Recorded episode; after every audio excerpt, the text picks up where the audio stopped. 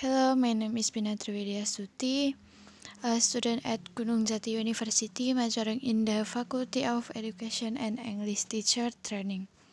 Here I will read the result of my summary and my reaction. So let's go ahead and summarize the first one. Tells the view of Northern society on women mental health. Society say there are so many rights and we have to follow those rules that have been traditionally established for us in mental health.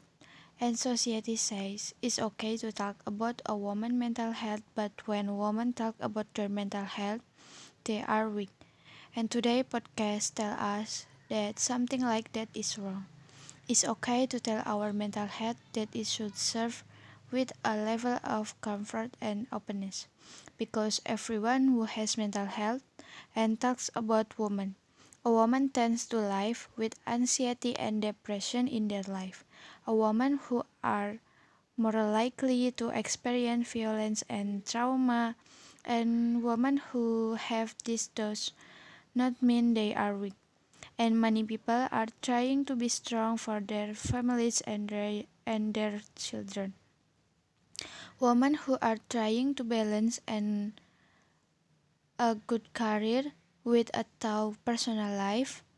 These women try to be role models for their children because they want their children to respect them. So next, this is my reaction. Not only in the northern status, but in Indonesia is also quite taboo about women mental health.